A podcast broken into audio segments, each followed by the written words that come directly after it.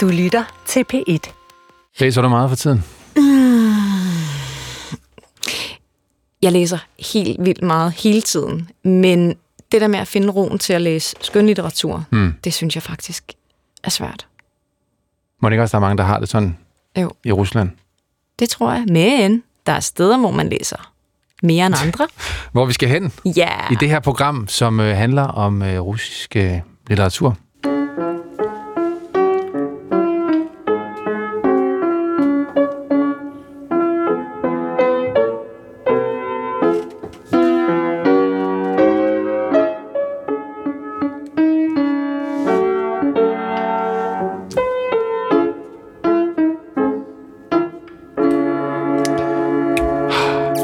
Man tilbage i Moskva, ikke? Ja, vi skal snakke om øh, litteratur. Og ved du hvad, en af grundene til, at det faktisk er meget fedt at snakke om øh, russisk litteratur, det er jo for at være sådan en slags, nej, det har du ikke ret i, til Vladimir Putin, Ja. som jo har erklæret her i starten af krigen, da koncerter og forskellige kulturbegivenheder blev aflyst i Europa, fordi man ikke ville have russiske kunstnere til at stå og fremføre sådan mm, russiske værker mm. midt i, øh, i invasionen af Ukraine, så blev Putin altså noget børnefornærmet og begyndte at tale om sådan en cancel-kultur mm. i Vesten, at nu vil vi intet høre af Og det russisk. var jo også en lille smule, havde han jo ret. Jamen, Altså, vi aflyste jo en del arrangementer ja, ja, med russiske talere. Og, ja, ja, ja. Skal vi lige høre ham? ja. пресловутая культура отмены превратилась в отмену культуры. Из афишных, из э, концертных афиш Fortæller her, at, вымарывают øh, Чай- Чайковского, Vi Шостаковича, har øh, Рахманинова. Tchaikovsky og Shostakovich blevet taget af, af plakaterne, og der er mange steder, hvor man forbyder russiske forfattere. Og vi vil gerne ødelægge- Ja, sidst vi så sådan en ødelæggelse af, af hele litterære værker, det var under nazismen. Mm. Så har han ligesom øh, etableret sin parallel, Det er, øh, ja, den, som han den, plejer at køre på. Hmm? den kører. Og det vil vi jo øh, øh, gerne være med til at modbevise. Det er jo heller ikke rigtigt. Altså, det er jo ikke sådan, at man ikke må læse Dostojevski, det er blevet fjernet fra øh, biblioteker eller noget som helst. Der var bare lige i Det- de der måneder lige efter invasionen, hvor det var ret svært at forholde sig til ja. russisk kultur. Men vi skal møde to, øh, to spændende russiske stemmer. To spændende forfattere. Men inden da skulle jeg måske bare lige sige øh, officielt øh, velkommen indenfor Ja. til Moskva-kontoret. Det er Med- vores øh, digitale kontor. Ja, som vi jo er i, fordi øh, selv samme Putin, ynder vi at sige, bestemte, at øh, det er ikke måtte komme ind i Rusland. Ja, det var måske det her. Det er måske lige at strække. Det var måske ikke ham. Nå, men øh, vi vil i hvert fald rigtig gerne tale om, øh, om russisk litteratur i dag. Og den første mm. forfatter, hun øh, er i Danmark, fordi hendes øh, første roman, hun har altså skrevet tre nu, men den første af dem er lige blevet oversat til dansk, og den er har hun været ude og præsentere på Bogforum. Mm-hmm. Og øh, hun hedder Gusel Jarina, og har skrevet romaner, som gerne vil vise russerne, og dem, der får den oversat og kan læse den, om de uhyrligheder, der foregik i Sovjetunionen.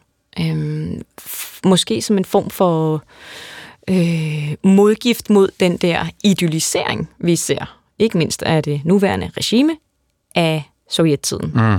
Så hun fortæller om meget af det forfærdelige, der foregik, og man blev sendt i gulaglejre. Det her er hendes debutroman. Ikke? Jo. Så øh, hun skrev den i, jeg tror det var 15, og den hedder Suleika åbner øjnene. Øhm, og det er en historie om, øh, om øh, Suleika, som øh, er kone til en øh, kalhos, altså en stor bonde. Og vi er i Kazan, mm-hmm. en by, du jo kender så godt. Fuldstændig. Ja. Sådan fik jeg det faktisk lidt, da Ja. ja. du den foregår i Kazan. Der har jeg været. Eller har jeg det? Jo, Ja, på en kind digital. of. Ja. Ja. Smukke Kazan. Ja. Ja, altså i Tatarstan. Så mm-hmm. hun er jo øh, tatar, ligesom Grusel er mm-hmm. tatar. Øh, og den er sådan lidt autobiografisk. Altså det er hendes bedstemors erindringer, der ligger til grund for det.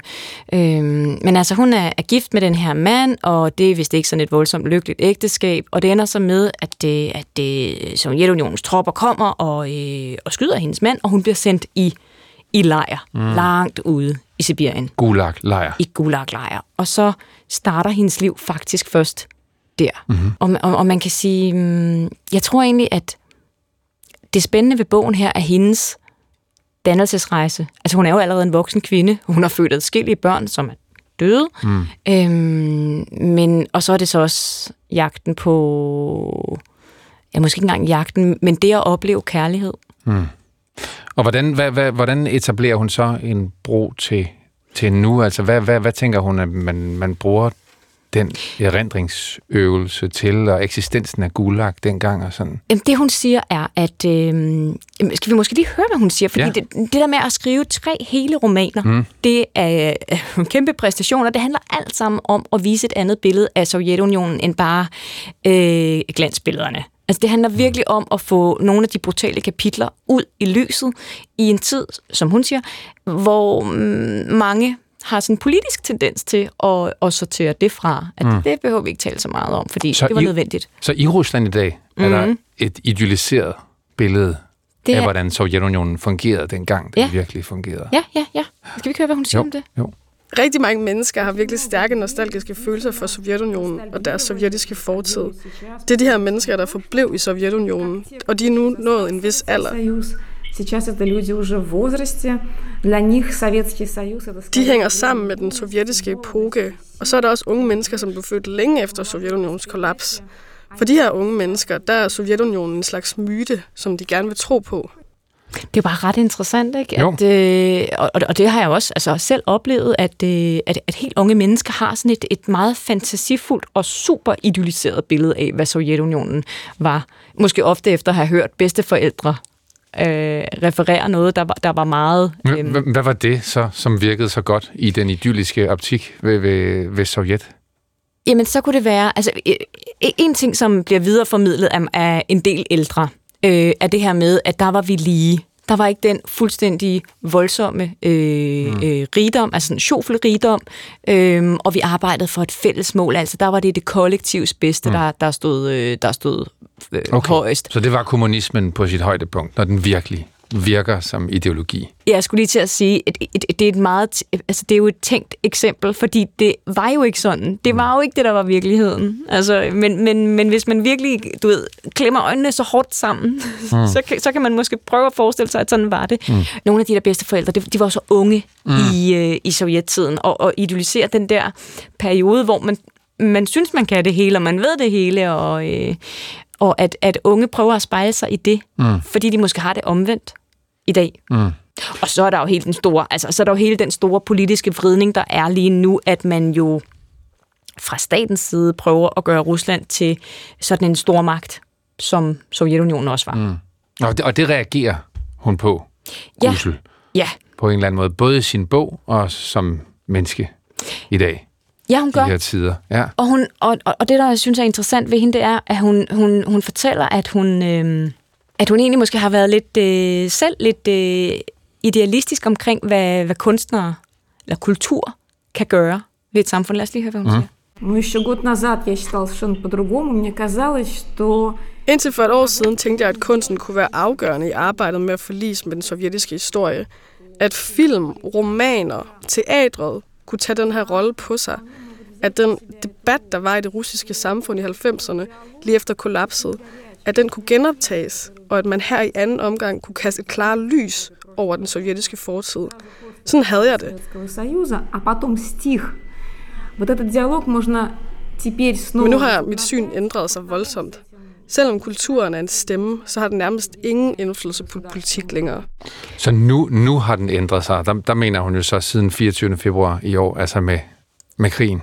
Ja, nu synes hun faktisk ikke rigtigt, at at de kan gøre noget. Mm. Altså, det, det er jo lidt at give op, ikke? Mm. Øh, og, og det som, altså, hvis jeg bare lige må putte et par fakta-ting på, ikke? Altså, øh, kan du huske, vi snakkede om den øh, organisation Memorial, øh, de var med til at vinde en pris mm. for ikke så lang tid ja. siden. Men det var en organisation øh, bestående af hundredvis, altså formentlig tusindvis af frivillige, der jo forsøgte at dokumentere forbrydelser. Både øh, mor på altså helt almindelige ja. sovjetborgere, men også dem, der blev øh, fejlagtigt anklaget for landsforræderi. Altså det der med, at man gik rundt og søgte fjender alle steder. Det er jo en øh, organisation, der er blevet forbudt øh, i Rusland, og på samme måde er der jo ikke et frit rum til at... Øh, til at tale kritisk, diskutere kritisk. Hvad var det? Var det, var det egentlig okay, mm. hvad der foregik i eksempelvis 30'erne? Ja. Og de fik jo faktisk, du sagde, at de vandt en pris, Nobel. Ja, de vandt en, øh, øh, ja, Fredspris, Ja, tror jeg det var. en, en ja. pris, som man jo ikke har gjort så meget ud af i Rusland mm. i, øh, i Men det havde Gusel så forestillet sig på en eller anden måde, at man kunne opføre nogle stykker på teatrene, eller skrive nogle flere bøger om det her opgør med erindringen om Sovjet. Ja, og det er jo fordi, altså, Gusel er... Øh, åh, nu skal vi huske, hun er 45, tror jeg. Lige omkring 45 år, ikke? Så hun kan godt huske 90'erne. Øhm, som en periode, hvor der var altså på rigtig mange måder frit lejde. Man kunne sige de vildeste ting, man kunne, altså, og det kom jo øh, som afløser til et sovjetsystem, hvor man ikke måtte sige noget. Mm.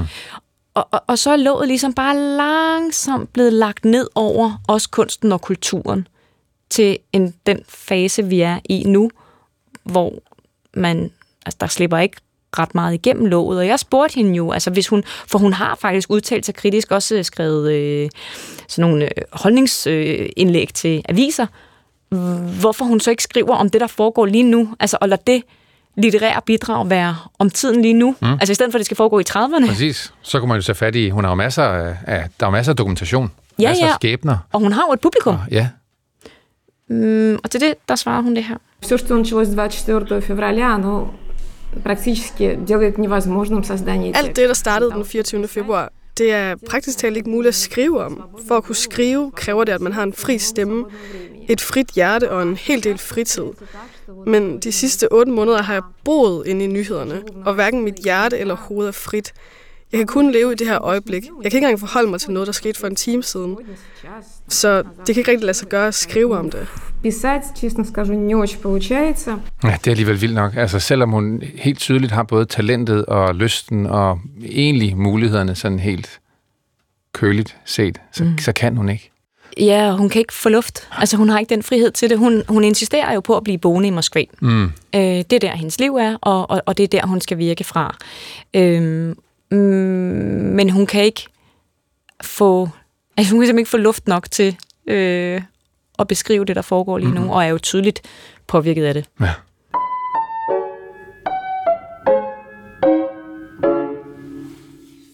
Sergej Lebedev, den anden russiske forfatter, som vi har, øh, har fået tale til det her program. Ja. Han, han, ja, han har også lavet bøger om erindrings, erindringens kunst og gulaglejre og sådan noget, men grunden til, at jeg kom til at tænke på ham, var, hvis, hvis nu Gussel havde hørt Lebedev svare på det her, vi skal, vi skal høre ham sige nu, ikke? Mm.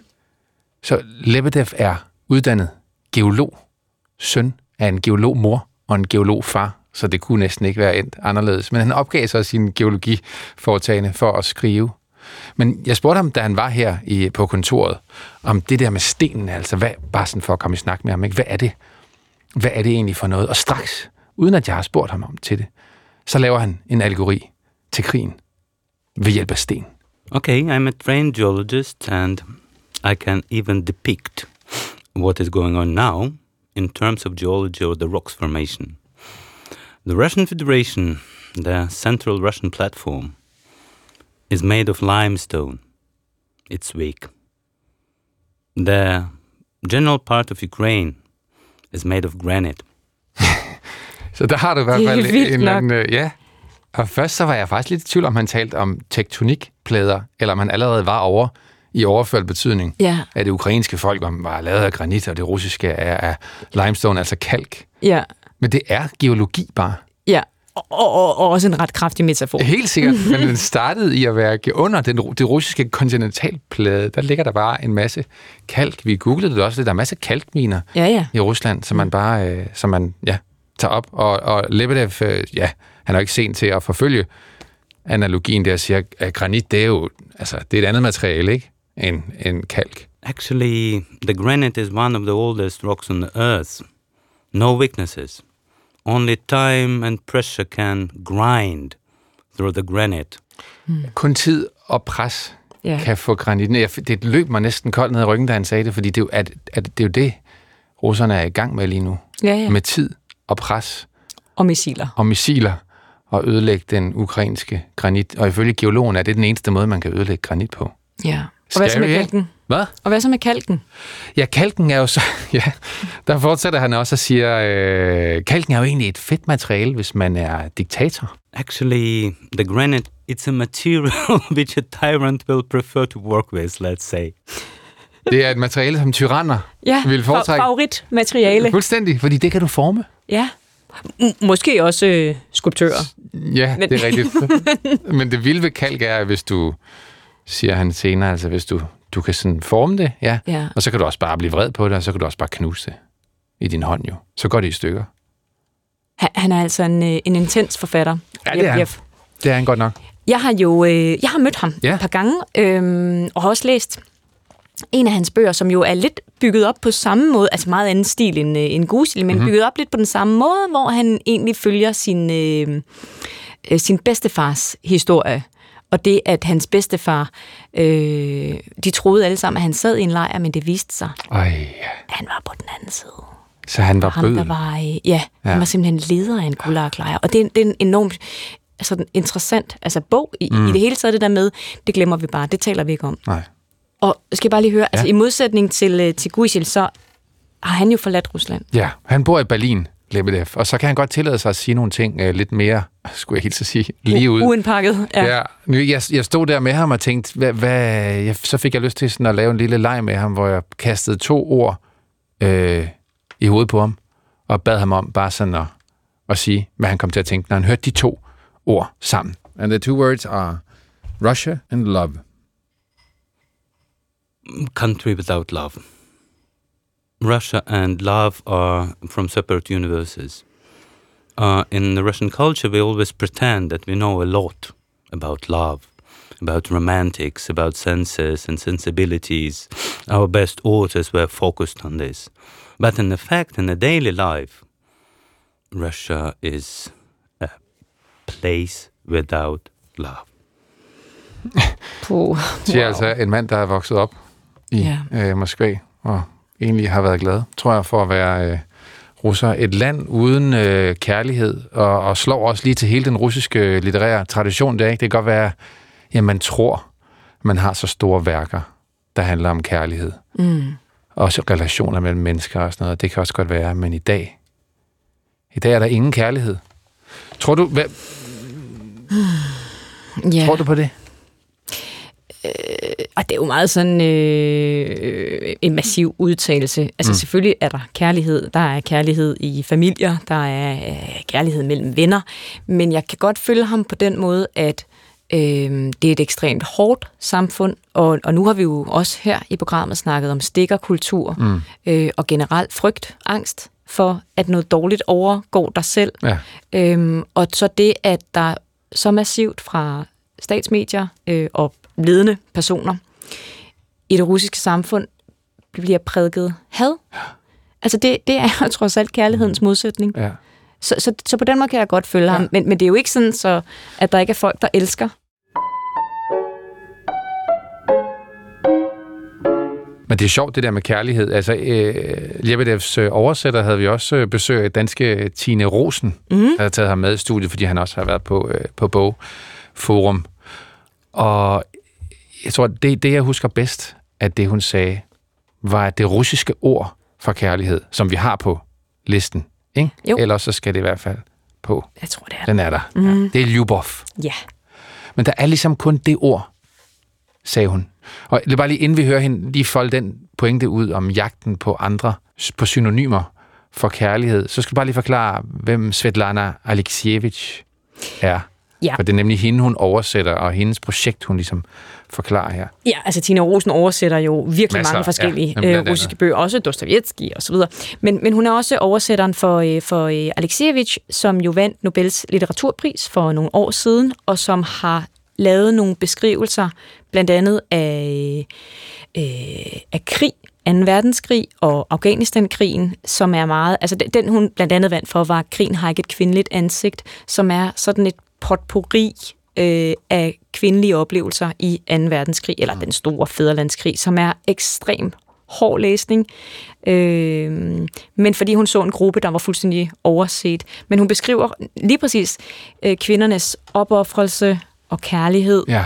og øh, altså sådan næsten uudtømmelig offervilje. Mm. Mm. Og nu, nu sad du også lige lidt efter nogle ord, ikke? Og det er måske også det, som Svetlana forsøgte. Okay, altså, hvad, hvad er det egentlig, man kan kalde det offer? Det er kærlighed. Den, øh, Uselviskhed. Uselviskhed, ja, mm. præcis. Så hendes, hendes mission var at, at, at finde nogle flere ord for kærlighed, og det, det forklarer uh, Tine Rosen sådan her. De skal opfindes, tror jeg. Fordi det, var jo, det, det er jo en udfordring ved at oversætte fra russisk, øh, og nu har jeg siddet med Alexejevich værker, at Lyubov, kærlighed, det dækker simpelthen alt fra øh, den mest øh, romantiske og platoniske og hvad ved jeg, fædrelandskærligheden, øh, og, og det kan også godt betyde sex. Der ligger så meget ind i det ord, at man, man er nødt til at forstå det ud fra konteksten, hvad det dækker. Så det var hendes øh, sådan udgangspunkt for at ville udvide øh, ordforrådet også, tror jeg. Hmm. Jeg ved ikke, hvordan det gik hende med den mission, eller om vi kan hjælpe hende på vej. Kender du andre ord for, for kærlighed ja. end, end Ljubov? Ja, altså fordi man kan sige, hvis nu man siger, jeg lubiu, mhm. jeg mm-hmm. elsker, ja. så kan det også være, jeg kan lide. Altså, Eller jeg har sex med. Øh, ja, det, ja, teoretisk set, ja. ja. Det, det, sådan kan man godt bruge det. Og der vil jeg, altså bare lige et enkelt ord, som jeg har bemærket i hvert fald, når folk skal være sådan lidt mere end bare, altså jeg kan godt lide, jeg er sådan virkelig forguder. Jeg abashayo. Hm. Jeg forguder ham. Ja. Okay. Det kan man også gøre med en, øh, du ved, en kunstner, som man abashait. Mm-hmm.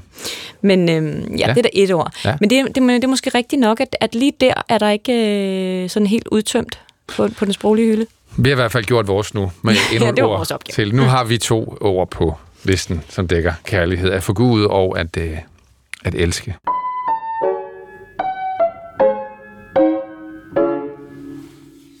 Men det var sådan lidt, okay, det var lidt en Moskva øh, kendte internationale bestsellers, der ja. udtaler sig om, øh, om situationen, ikke? Men, Men der er andre steder i Rusland. Præcis. Hvor litteraturen lever. Ja.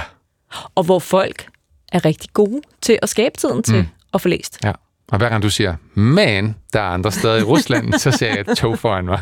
Og så tænker jeg, kan jeg vide, hvor lang tid vi sidder i det nu? Så slår jeg op på Russian Railways, at der kan man da komme til øh, øh, Novosibirsk, mm, hvor vi skal hen nu. Yes. På sølle 49 timer. Det er jo ingenting. Nej, så vi skal ud fra kontoret og med metroen til øh, Moskva, Kazanski, for det er jo den transsibiriske jernbane, vi mm. hopper på igen. Ja. Så var vi i toget, og nu tog du mad med sidste gang, ikke? Jo. Ja, så tænker jeg bare, øh, en lille øh, warning, vi kommer til at skulle høre øh, den, den øh, ja, vi skal, det kan vi godt sige, vi skal til Novosibirsk for blandt andet at høre digtoplæsning, som er en ting i ja. byen. Ja. Sådan en aften på et lille sted med 30 publikummer, og så kommer der nogle lokale helte og læser deres øh, litteratur op. Mm. Mm. Det tror jeg bliver meget sjovt. En af dem, vi skal høre, er Pushkin. Alexander. Han kommer ikke. Nej, det er rigtigt. Manden, der døde i 1833, øh, tror jeg. I en duel. Ja, ja i en ja, duel, ja. ja. Nej, men hans ord kommer. Ja. Mm. Og det digt, vi skal høre, der var jeg sådan lidt, da jeg hørte det første gang, var sådan, okay, er det det? At, du, du var undervældet. Ja, det var lidt undervældet, ja. Ja. Men så læste jeg lidt. Så tænker jeg bare på, om jeg lige må læse et... Øh, jeg har selv oversat et, øh, et andet digt, som jeg, jeg har fundet et digt af Pushkin, som jeg virkelig synes var godt. Okay, jeg troede det, et øjeblik, at du havde skrevet et digt, men okay, ja, du læser... Som jeg ville læse op i toget. Ja. ja. Som jeg selv har oversat fra, øh, fra engelsk, ikke? som handler om den tid, vi er i lige nu. Mm. Ikke krig, men årstid. Kom med det. Det hedder efterår. Oktober er ankommet. Skovens træer har snart kastet sine sidste blade af de næsten nøgne grene. Isnende sprøde pus, da efterårets kulde er overalt. Vejen fryser til, men bækken risler stadig, og på dammen er vandet stivnet. Det her er min tid, for jeg hader foråret. Alt det sjap, lugten, mudderet. Foråret giver mig kvalme. Blodet koger over, og lysten dukker op i hjerte og hjerne, og ja, sommer. Hej, jeg kunne have elsket dig, sommer, hvis ikke det havde været for din hede og dit støv og dine kryb og dine fluer. Du udsletter jo al tankekraft. Du torturerer os som markerne. Vi lider sammen under tørken. Næh, efteråret. Melankoliens øjeblik. Af alle årstider har jeg denne fundet min svagt lysende lykke. Jeg elsker stemningen af afsked, af naturens rige forfald – Skovenes gyldne garderobe bølger i det tiltagende mørke. En gråhåret vinter truer i det fjerne. Når efteråret kommer, så blomstrer jeg på ny.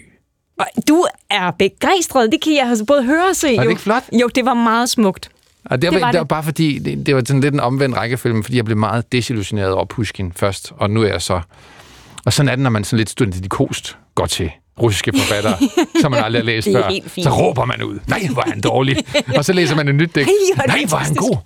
Ja, Nå, men der fandt du simpelthen din kærlighed. det vil jeg sige. Ja, nej, det er flot. Så øh, således øh, gik der beriget. allerede, så gik det øh, 48 timer med pludselig en øh, der. Så er vi faktisk fremme. Så er vi fremme. Skal vi gå direkte ind? Det er først i aften, at øh, oplæsningen er. Så vi kan godt nå en tur forbi øh, byens øh, lokale boghandel. Det skal man. Dorm Knigi hedder de jo normalt. Mhm. Uh-huh. Boghandlen. Boghuset. Ah, Dorm Dorm. Det er hus. Det hus. Knigi. Knigi. Knigi. Bog, altså genitiv for bog. Ah. Kniger. Men Knigi. Ikke Knigi. Ja. Hus. Hu, nej, bogens hus. ja, bogens hus. Godt. Der skal vi hen. Ja. Og hvem står der? I døren. Ja, der står Anna, Ja. som er øh, bestyrer af bog. Bogbiksen i ja. Novosibirsk. Det her er jo altså Ruslands tredje største by Det er det faktisk. endnu, i hvert fald. Ja. Vi skal høre, hvad hun siger om Novosibirsk. Ja. Byen, vi lige er ankommet i. Halvanden million mennesker ind midt i Rusland. Правда, третий по размеру и по населению город в стране. Det То er есть den это tredje правда største большой by. город.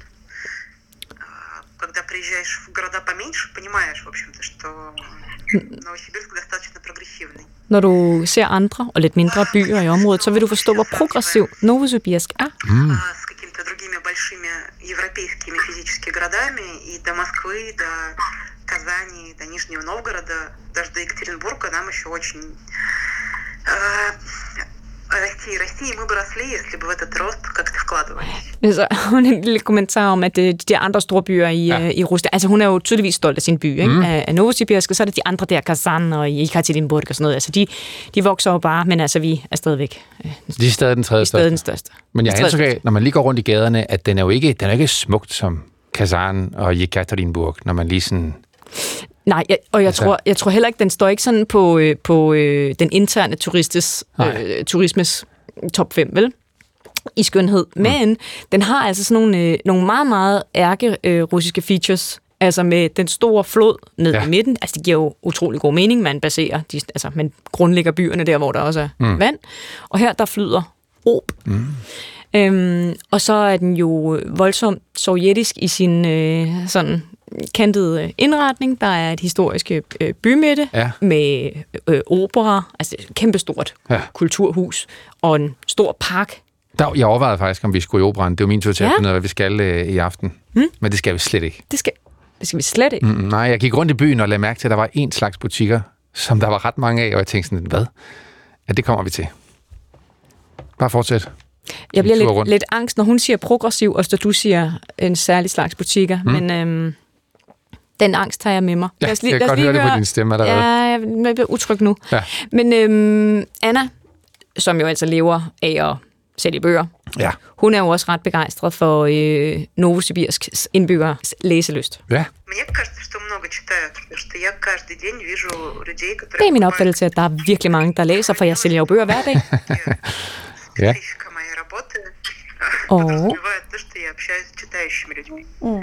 Но мне всегда кажется, что люди читают больше, чем про это говорят. Jeg, jeg, øh, jeg mener faktisk, at folk læser meget mere, end man går og siger.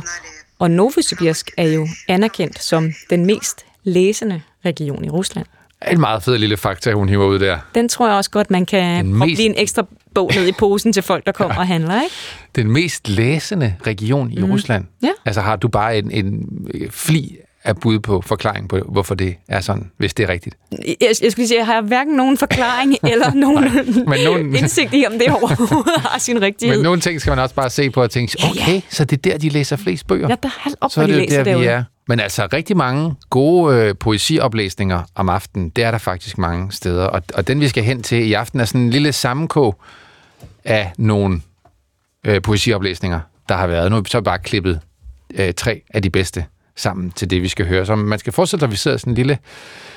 Ja, i Leningrad, altså Leningrad, i St. Petersborg, hvor kom det fra? Well, well. Samme by.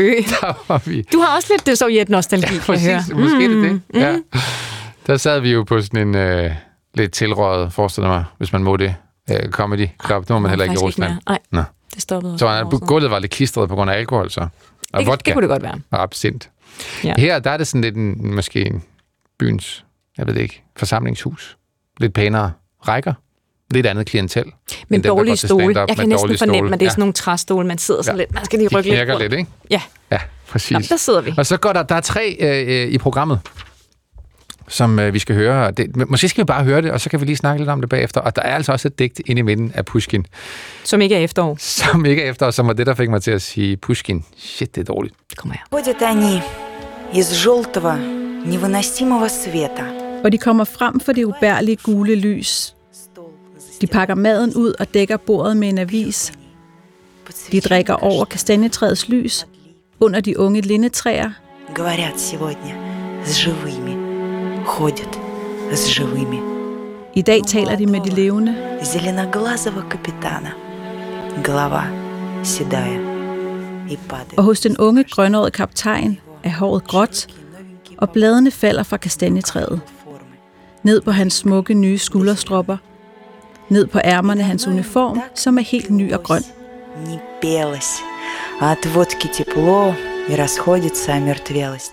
Og i lang tid drak han ikke, sang han ikke. Men fra vodkaen kommer der varme, som får livløsheden til at forsvinde. I dag er han vendt hjem fra krigen for en dag med sine venner, må i dag blive lun, mættende og fuld. Og ved siden af ham sætter der sig en dreng, ung og i forkerte støvler, og i luret uniform. Птицы поют на улице. Ездят автомобили. Fuglene synger udenfor, bilerne kører. Han siger, Сегодня ему tag mig med jer. I går blev jeg også dræbt. Возьмите меня к себе. Меня тоже вчера убили. Я вас любил, любовь еще, быть может, в душе моей угасла не совсем. Jeg elskede dig, og måske elsker jeg dig stadig.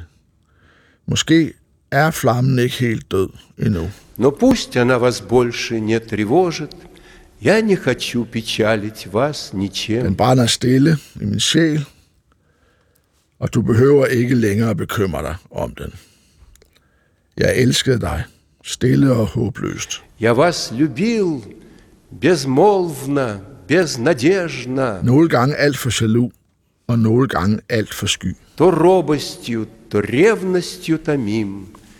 Я вас любил Må Gud finde en anden, der vil elske dig. так искренно, так нежно, как дай вам Бог, Lige så ømt og sandt som jeg. любимый, быть другим. Ej, det er måske meget godt. живешь теперь, где обмен дано только с Det, at du nu bor der, hvor kun drømme kan omfavne dig, det er en utilstrækkelig undskyldning for den afstand, der er mellem os. Du var altid på den anden side af oceanet, selv på den anden side af bordet på caféen. Мы отпразднуем это, дай бог, видеозвонком и усмешкой сочувствия. Ну, у жанра свои законы. Snart er det et årti. Et årti, siden vi mødte hinanden. Hvis hjertet er en muskel, så er glæden det måske også. Det er godt at vide, hvor den er, før du tager flammerne på dig.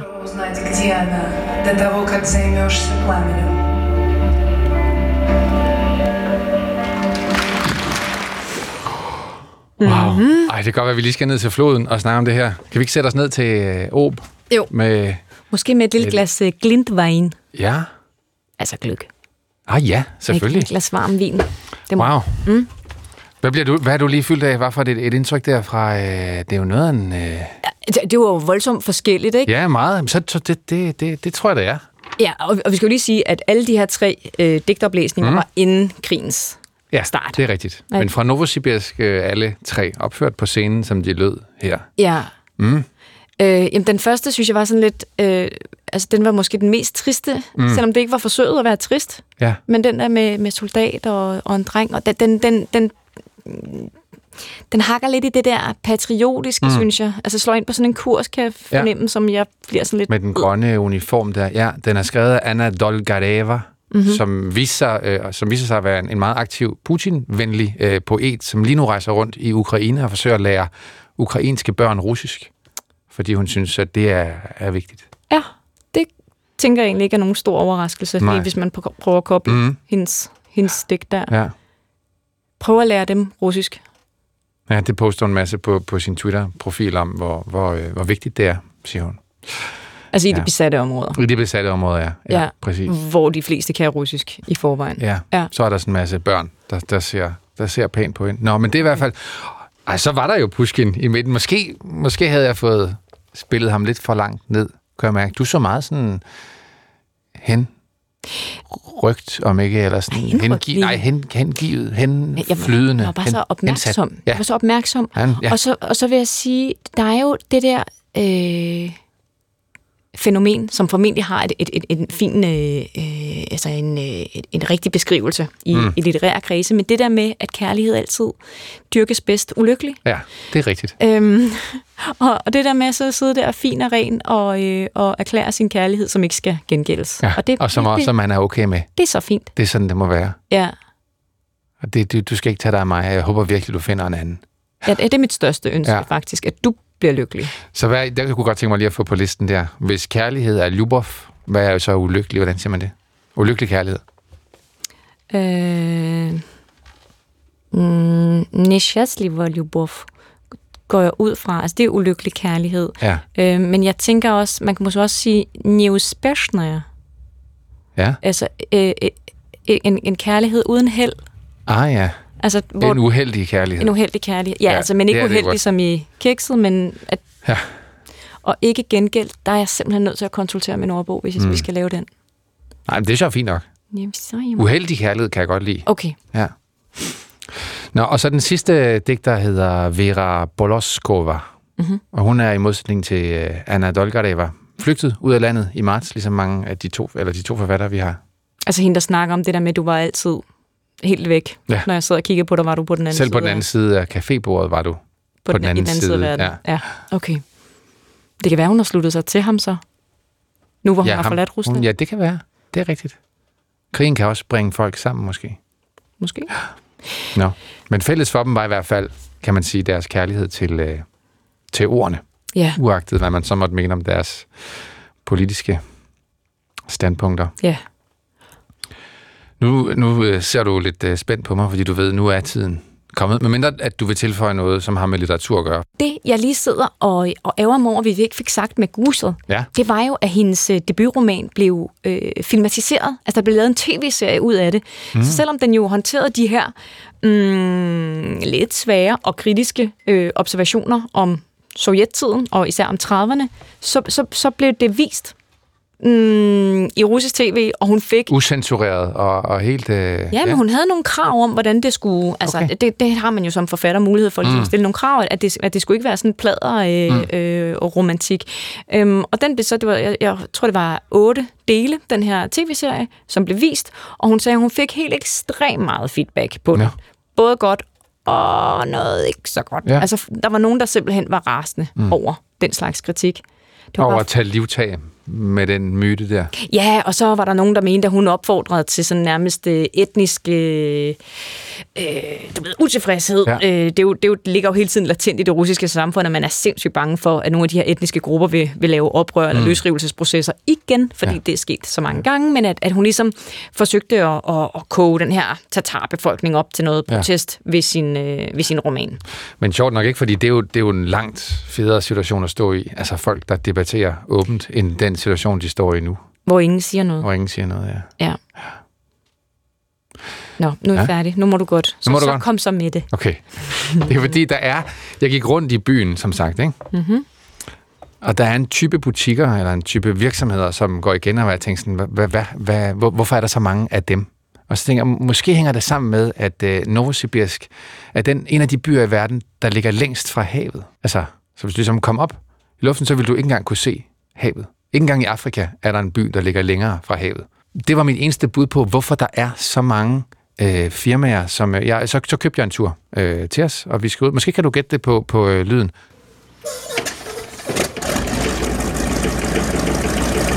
Vi skal køre i traktor. Nej, det er ikke en traktor. Nej, prøv, prøv at høre.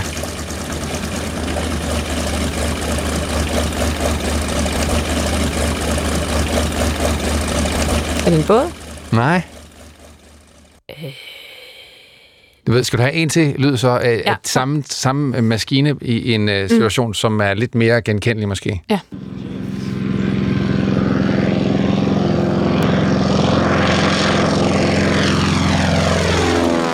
Ah, Okay, tak. Det var en flyvemaskine. Der fik du den. Vi skal ud og flyve. Ja. vi skal ud. Vi skal faktisk springe ud. Uh, vi skal springe i faldskærm. Ja. Nej. Det gør man. Nå. Og det var det, jeg tænkte sådan, hvorfor må den så meget? Er det, men måske fordi man kan... jeg ved ikke, om man kan se havet. Har, har du prøvet at springe i faldskærm før? Ja, det har jeg. Nå, okay. Jeg tror ikke, at man kommer meget over tre, måske, måske okay. fire. Så fra hvis tre man- kilometers højde? Ja, der tror jeg altså ikke, man kan se havet, Nej, fordi... fordi jorden krummer jo. Ja, det er også tavligt. Men, men altså, Novosibirsk er jo, hvis du står og kigger på det der gigantiske land, ikke? Mm. så er det jo sådan nærmest lige midten. Ja. Du kan lige fortælle det, mens vi, øh, mens vi flyver øh, videre op, ikke? Okay, Ja, kom. vi er på vej op nu, Ja, ja, det kan du høre. og vi har fået spændt den ordentligt fast. Så vi skal hoppe lige om lidt. Men hvad siger du så? Øh, jamen, hvad siger, jeg? nu er jeg allerede lidt nervøs, ikke? vi skal hoppe ud Det er da dig, der har prøvet det før. Nej, men jeg var også nervøs. Ja. øh, nej, men tror du ikke, altså, øh, er det ikke sådan noget adrenalin-ting, tror du, der, øh, der tænder den? Jamen, det kan godt være. Det kan også være, der ligger en kæmpe... Jeg har så ikke undersøgt, jeg vidste jo ikke, vi skulle det her. Nej. Så har jeg undersøgt, om der var nogle af de der store øh, faldskærmstrop-enheder, der ligger der, for det kunne godt være sådan noget øh, Nå, ja. hyggepatriotisk Ja, ting. det er nok. Ja, for det er for turister, og jeg har bare kunne købe det til os og sådan noget. Nå. Er du klar? Vi kunne springe som det sidste. Så kunne vi bare lige lave outroen her øh, oppe i, øh, i flyet. Okay. Og så kunne vi springe, og så kunne vi sige øh, tak for, for den her gang. Og husk at skrive til os. Ja. På Moskva-kontoret, snablag, dr.dk. Ja. Og så vil jeg sige tak til øh, alle de danske stemmer, vi har hørt øh, undervejs. Øh, Camilla Madsen, Anders Christian Jørgensen, Jette Damgaard og Anne Kold Kær. I redaktionen... Tror, er du klar snart? Ja, I ja, ja. redaktionen øh, Emma Glitnes og Øjsen Shapiro. Bag mikrofonerne på kontoret og i flyet her. Øh, Mathilde Kimer og Morten Runge.